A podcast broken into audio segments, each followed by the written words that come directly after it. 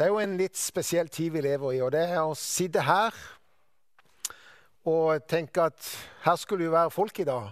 Her i Hånes frikirke på gudstjeneste. Eh, og hva er det å være menighet, fellesskap, i en tid som dette?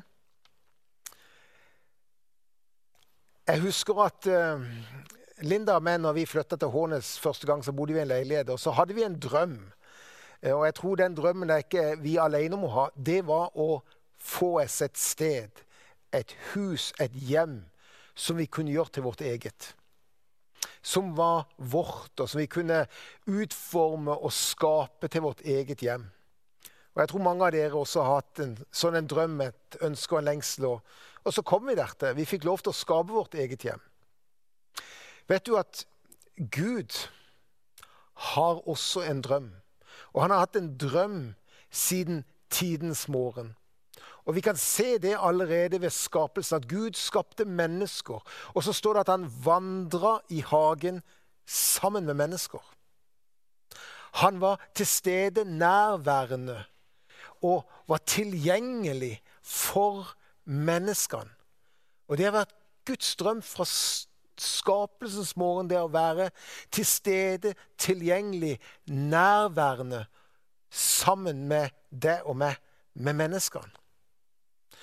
Og så ser vi jo det at det, det skjer noe. Mennesker vender Gud ryggen, og på en måte så avviser dette fellesskapet. Men Guds lengsel og Guds drøm var den samme. Og så er dette hele bibelhistorien det er Guds lengsel etter fellesskap med sin skapning, med mennesker. Og så velger han seg et folk, israelsfolket, og så tar han de på en reise. Og i begynnelsen av den reisen så sier han jeg ønsker å bygge meg et hjem, et hus, et sted der jeg kan være tilgjengelig, nærværende for dere. For jeg lengter etter fellesskap. Og så kan vi lese om dette i andre Mosebok, kapittel 25, vers 8 og 9. Og Der sier Gud, 'La dem bygge en helligdom for meg, og jeg vil bo midt iblant dem.'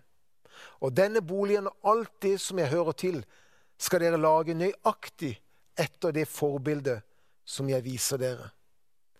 Og så ble det sånn at de lagde et tabernakle, et telt, et sted der Gud kunne bo. Og han kunne bo midt iblant dem. Og så er dette teltet på en måte representerer Guds nærvær blant israelsfolket. Og så kan vi lese seinere i, eh, i andre Mosebok, kapittel 40, eh, hva som skjer.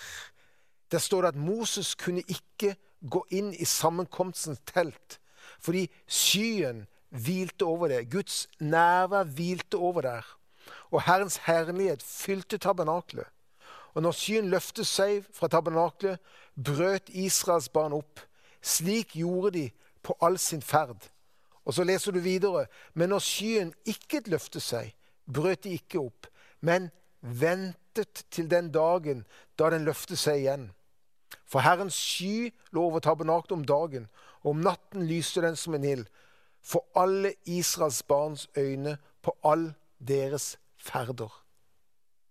Gud, den levende Gud, nærværende til stede blant det folk som han utvalgte. Og så var dette så nær relasjon at når, når, når om natten lyssøyla begynte å bevege seg, så visste israelsfolket nå er det bare å bryte opp. Vi må gå der Gud går. Og når skyen om dagen begynte å bevege seg, så brøt israelsfolket For det var en relasjon, en tett relasjon. Gud til stede i et telt, i et tabernakel, i et sammenkomtens telt. Og dette var en relasjon mellom et folk og den levende Gud. For Gud har en lengsel etter å være til stede, nærværende, i menneskenes hverdag. Og så ser vi litt seinere at Gud eller folket spør Gud kan vi bygge et tempel. Vi vil ha et sted der, der vi kan møte deg, Gud. Og så får Israels israelsfolket lov til å bygge et tempel. Og Det står i første kongebok, kapittel 8, vers 13. Nå har jeg bygd deg en bolig, et sted der du kan bo til evig tid. Og det er Salomo som bygde tempelet, som sier dette til Gud. Jeg har bygd en bolig. Og videre i andre, første kongebok, kapittel 9, vers 3. Og Herren sa til ham, Ja, hellige dette huset som du har bygd, så jeg lar mitt navn bo der til evig tid, og mine øyne og mitt hjerte skal bo der alle dager. Jeg lir disse ordene, mitt øyne, jeg ser, mitt hjerte, jeg beveges, er til stede. Gud tok bolig igjen blant folket. Og Så er dette på en måte hele historien fra Adam og Eva i hagen, der Gud vandra i hagen, til Gud utvalgte sitt folk og kom nærværende i tabernaklet, kom nærværende i et tempel. Men nå så skjer det noe, noe helt nytt ved Jesu inntreden.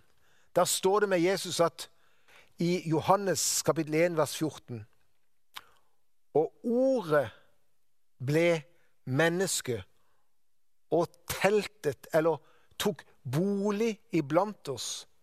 Og vi så hans herlighet, den herlighet som den enbårne sønn har fra sin far, full av nåde og sannhet. Gud kom nærværende til mennesker.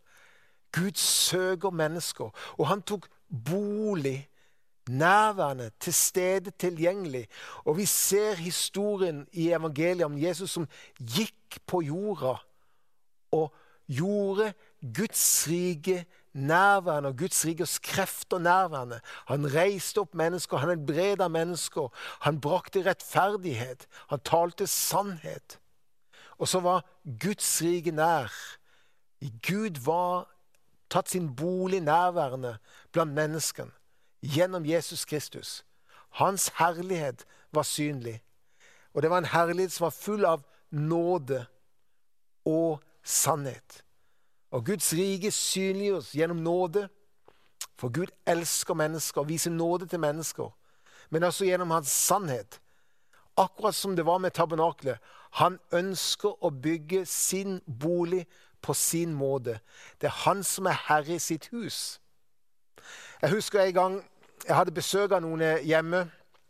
Og så begynte de å kritisere tingene som var i mitt eget hjem. Og så Etter hvert som de begynte å kritisere, så tenkte jeg litt sånn irritert. Ja, men Det er jo ikke du som bestemmer her i huset, det er meg som bestemmer her i huset. Og jeg tenker, Det er litt sånn med Gud også. Gud har en tanke for sin bolig. Hvordan den skal være, og hvordan det skal opptre, og hvordan vi skal leve i hans bolig, hans hus. Vi kan ikke gjøre som vi vil. Han har en tanke. Han har en vilje. Og så er det ikke bare dette med Jesu liv som brakte Guds nærvær ned. Men så ser vi videre at det skjer noe nytt. Jesus forsvinner, og Guds menighet blir til. Og Vi kan lese om dette i Efeserbrevet, der det står noe om, om, om Guds nærvær og den nye boligen i Efeserbrevet kapittel 2 vers 12-22. Og Vi leser bare noen av versene. Og han kom og forkynte evangeliet om fred for dere som var langt borte, og fred for den som var nær ved. Både altså de som er nær jøder, og de som er langt borte, hedninger, som ikke var en del av jødenes folk. For gjennom han har vi begge fått adgang til Faderen ved en ånd, og i en ånd. Så er dere ikke lenger fremmede og utlendinger men dere er de helliges medborgere. Dere er Guds husfolk, bygd opp på apostelen og profetens grunnvoll. Og hjørnesteinen er Kristus Jesus selv. Og i Han blir hele bygningen føyd sammen og vokser til et hellig tempel i Herren. Og i Han blir også dere, hver enkelt av dere, sammen med de andre, bygd opp til en bolig for Gud i ånden. Så er det ikke lenger at Gud bor i et tabernakel eller et tempel. Eller kommer nærværende i personen Jesus Kristus. Nå er det faktisk sånn at Gud vandrer i hagen igjen. For han har tatt bolig i oss, du og meg. Og vi er nå Guds bolig, Guds tempel, Guds, representerer Guds nerve og Guds rike i denne verden. Det høres nesten forunderlig. Så inn i den tid vi lever i, så sitter jeg i et kirkebygg. Kirka er jo ikke Guds bolig. Kirka er bare et tjenlig verktøy for å samles. Og for Hånes frikirke har det vært et tjenlig verktøy. Men menigheten er jo ingen bygning. Menigheten er til stede på ethvert sted der mennesker kommer sammen og sier ja til hans herredømme og lever ut det livet som han ønsker i sin hverdag. Menigheten er mennesker, er du og meg. Og Guds drøm har alltid vært fra skapelsen vår å være til stede, tilgjengelig, nærværende her og nå. Så selv i en tid der vi ikke kan samles noen store samlinger, kan vi jo faktisk samles. Vi kan samles fem. Og kanskje er det sånn at når vi ser i dag, som er rett etter påske, og fram til sommeren, så kan vi ikke samles mer enn kanskje fem mennesker, som vi kan i dag. Maks ti mennesker. Men tenk på det løftet som Bibelen sier, at der hvor to eller tre er samla, der er jeg midt iblant dere. Tenk om vi kunne, som menighet, samles to, tre, fire mennesker. For det kan vi jo samles. Og bare plutselig så er menigheten blitt ikke bare noen få grupper, men utrolig mange grupper som samles to og tre, og som gjør noe enkelt sammen. De bare åpner Bibelen og leser Bibelen sammen. For Bibelen sier der to eller tre er samlet, der din familie er samlet, der du samles med to, tre, fire voksne, der er menigheten. Der er jeg midt iblant dere. Når, når Paulus på en måte går videre og planter menigheter, de første kristne menighetene. Og så kommer vi til et, et, et, sted i Bibelen der han forklarer og forteller hvordan han var med og bygde sin menighet. Så ser du dette bibelstedet, og det du ser nå, det er bare vi, vi, vi, vi, søsken vårt, vi, vi. Når Paulus skal forklare hva det er å være menighet, så sier han det handler om vi. Det handler om søsken. Det handler om oss. Det handler om fellesskap. Det handler om relasjoner. Og Dere kan se dette bibelverset. Det er fra 2. Tessalonikerbrev, kapittel 2. Og skal vi ikke lese gjennom hele bibelverset, men jeg prøvde bare å ta ut og vise der at eh, ordet 'vi' er nøkkelen til å forstå hva faktisk menighet er. Jeg sier av og til enhver er til for hverandre, men hverandre er til for enhver. Og det er noe med dette miksen at ja, vi har en individualitet, men menighet er et kollektivt fellesskap av oss, vi som samles. Og nøkkelverset her i, i, i um, andre eh, Tessalonikerbrev eller første Tessalonikerbrev, kapittel 2, eh, det er dette, vers 8. Slik var vi blitt inderlig glad i dere og ville gjerne gi dere ikke bare Guds evangelium, men også vårt eget liv.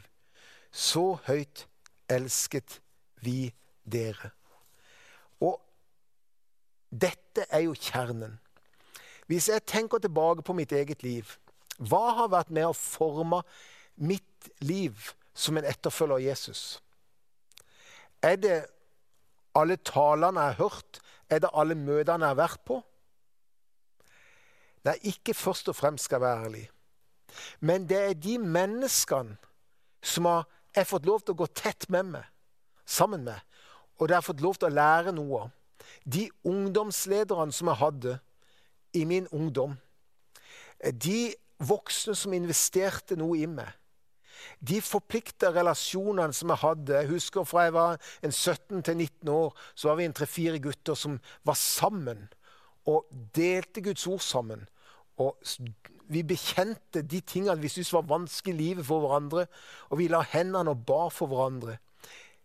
Og så kan jeg se opp igjennom hele min på måte oppvekst og etter hvert i voksenliv, så er det disse relasjonene av enkeltmennesker som det står her at de, de, ikke bare delte evangeliet, men vi delte Guds ord med hverandre. Evangeliet, Guds ord med hverandre. Men vi gjorde mer. Vi også ga vårt eget liv til hverandre. Og der vi delte Guds ord og delte livet sammen, det ble på en måte det livsforvandlende, og som gjorde også at jeg, Øyvind Augland, lærte mer hva det vil si å følge etter Jesus.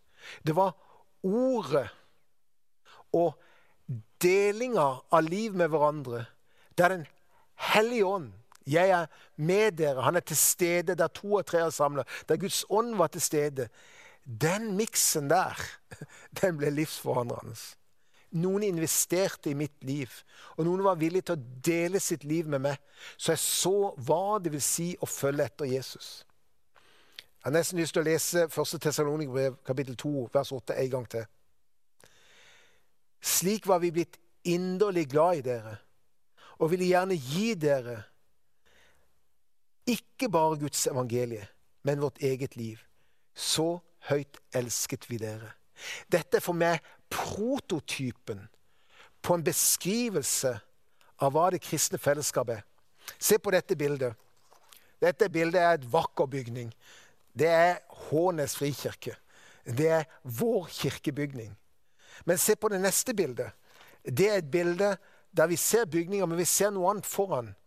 Det er mennesker. Og menighet er mennesker. Bygning er tjenlig redskap. Og så Se på dette bildet. Dette er en liten sånn grafikk som jeg bare har tegnet opp. Det står F og V og U og UV og TW og 230 mennesker. Hva er det? Jo, det representerer det faktisk Hånes frikirke er i dag. Det er 230 mennesker sånn cirka, som er med i familiegrupper, i voksengrupper, i unge ungdomsgrupper, i frik hjemgrupper, eller i unge voksengrupper eller i twinsgrupper. Sånn cirka. Det er der vi er i dag. Dette er menigheten.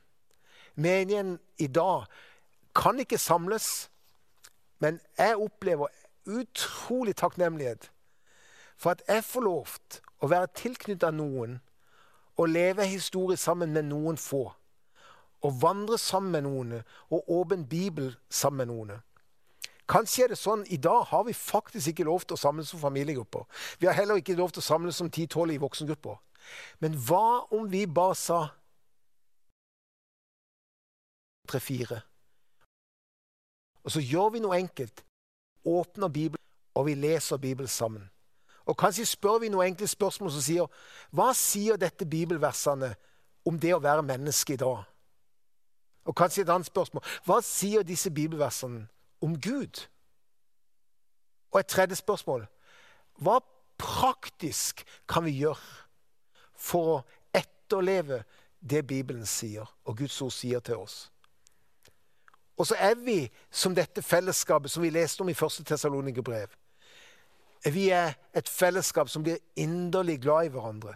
Og det er så mye godhet å høste, og jeg merker det i gruppene når jeg snakker med gruppeledere. Jeg er så takknemlig for den varmen og godheten. Folk er inderlig glad i hverandre. Og de gir hverandre Guds ord.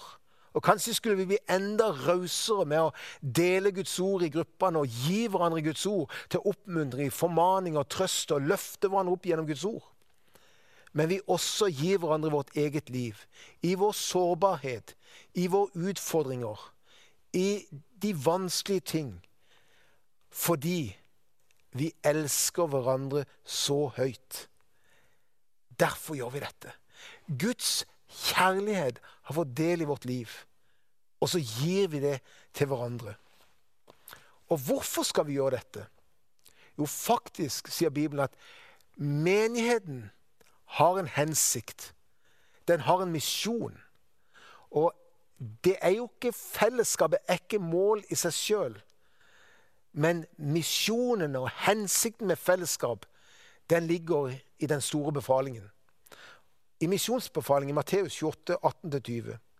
Og Jesus sier Jesus trådte fram og talte til dem og sa Meg er gitt all makt i himmel og på jord. Jeg tror vi trenger å minne hverandre om i denne situasjonen Gud er gitt all makt i himmel og på jord, også i dag. Og så sier han, gå derfor ut og gjør alle folkeslag til disipler. Hensikten med dette er at vi skal føre nye mennesker inn i en disippelprosess der vi begynner å etterfølge Jesus. Hva vil det si å etterfølge Jesus? Jo, det vil si å døpe mennesker inn til Kristus, inn til menigheten, i Faderens, Sønnens og Helligåndens navn. Men mer å lære å holde alt det jeg har befalt dere. Og Det er jo også hensikten. Hvorfor har vi mindre grupper? Hvorfor har vi fellesskap? Jo, det er fordi at vi ønsker å føre mennesker inn i et liv der de lærer å holde alt det Jesus har befalt. Og erfare at han er med i alle dager. Gud er nærværende, til stede, tilgjengelig for deg. Inn i din hverdag her og nå. Gud er der. Og så er menigheten ikke en bygning. Så er ikke fellesskapet et mål i seg sjøl. Men fellesskapet er der for å hjelpe mennesker inn i å følge etter Jesus. Og erfare hans nærvær i hverdagen der de er. Sånn at vi som menighet hele tida kan spørre oss hva kan vi være med å gi til andre mennesker rundt oss? Og hvordan kan vi føre andre mennesker inn der vi gir dem evangeliet, men vi også gir dem vårt eget liv? Vi gir av oss sjøl til mennesker. Menigheten er ikke denne bygningen vi sitter i. Og i en tid der vi ikke kan samles. Menigheten er mennesker der to eller tre er samla. Der er jeg midt iblant dere. Ja, menigheten er der dere samles som tre, fire, fem mennesker og åpner en bibel og deler Guds ord med hverandre og spør de enkle spørsmål, ber for andre, er transparente og åpner livet for hverandre i den sårbarhet. Da skjer det noe. Da gjøres disipler. Det er jo dette som er drømmen til Hånes frikirke. Å være en menighet som lever ut et generasjonsfellesskap på tvers av generasjoner, som gjør disipler og fører mennesker inn i dette tilbedende livet med Jesus. Inn i dette nærvær der kan leve hver dag med Jesu nærvær. Og der vi er forplikta på å leve sammen i fellesskap, men mer der vi gir noe til andre mennesker rundt oss. Dette er vår drøm. Så at hver dag så ser vi mennesker erfare Guds kjærlighet gjennom det livet vi lever. Og Nå kan vi ikke leve dette livet samla, men vi lever det spredt. Men vi kan samles, to, tre, fire mennesker, under Guds løfte om at Han er nervene til stede. Der to eller tre er samla, der er jeg midt iblant dere. Jeg vil ønske å bare be en bønn. Der du er, og der dere er, i deres fellesskap de, Guds, de må erfare Guds nærvær og Guds tilstedeværelse. For det er hans drøm fra skapelsen morgen. Å være nærværende, til stede, tilgjengelig. For de menneskene han har skapt, og som han elsker. Så Jesus, takk for ditt nærvær. Takk for det fellesskapet vi får lov til å ha med deg. Ved Den hellige ånd. At du er her til stede. Og når vi samles nå rundt om i hjemmene, i de mindre gruppene, så er du til stede, nærværende. Takk for deg, Gud. Du som har all makt i himmel og på jord, og som sier, 'Se, jeg er med dere alle dager, i alle livets faser, i alle livets situasjoner, i alle omstendigheter.' Takk, Gud, for det løftet. Og det gjelder også i dag. Amen.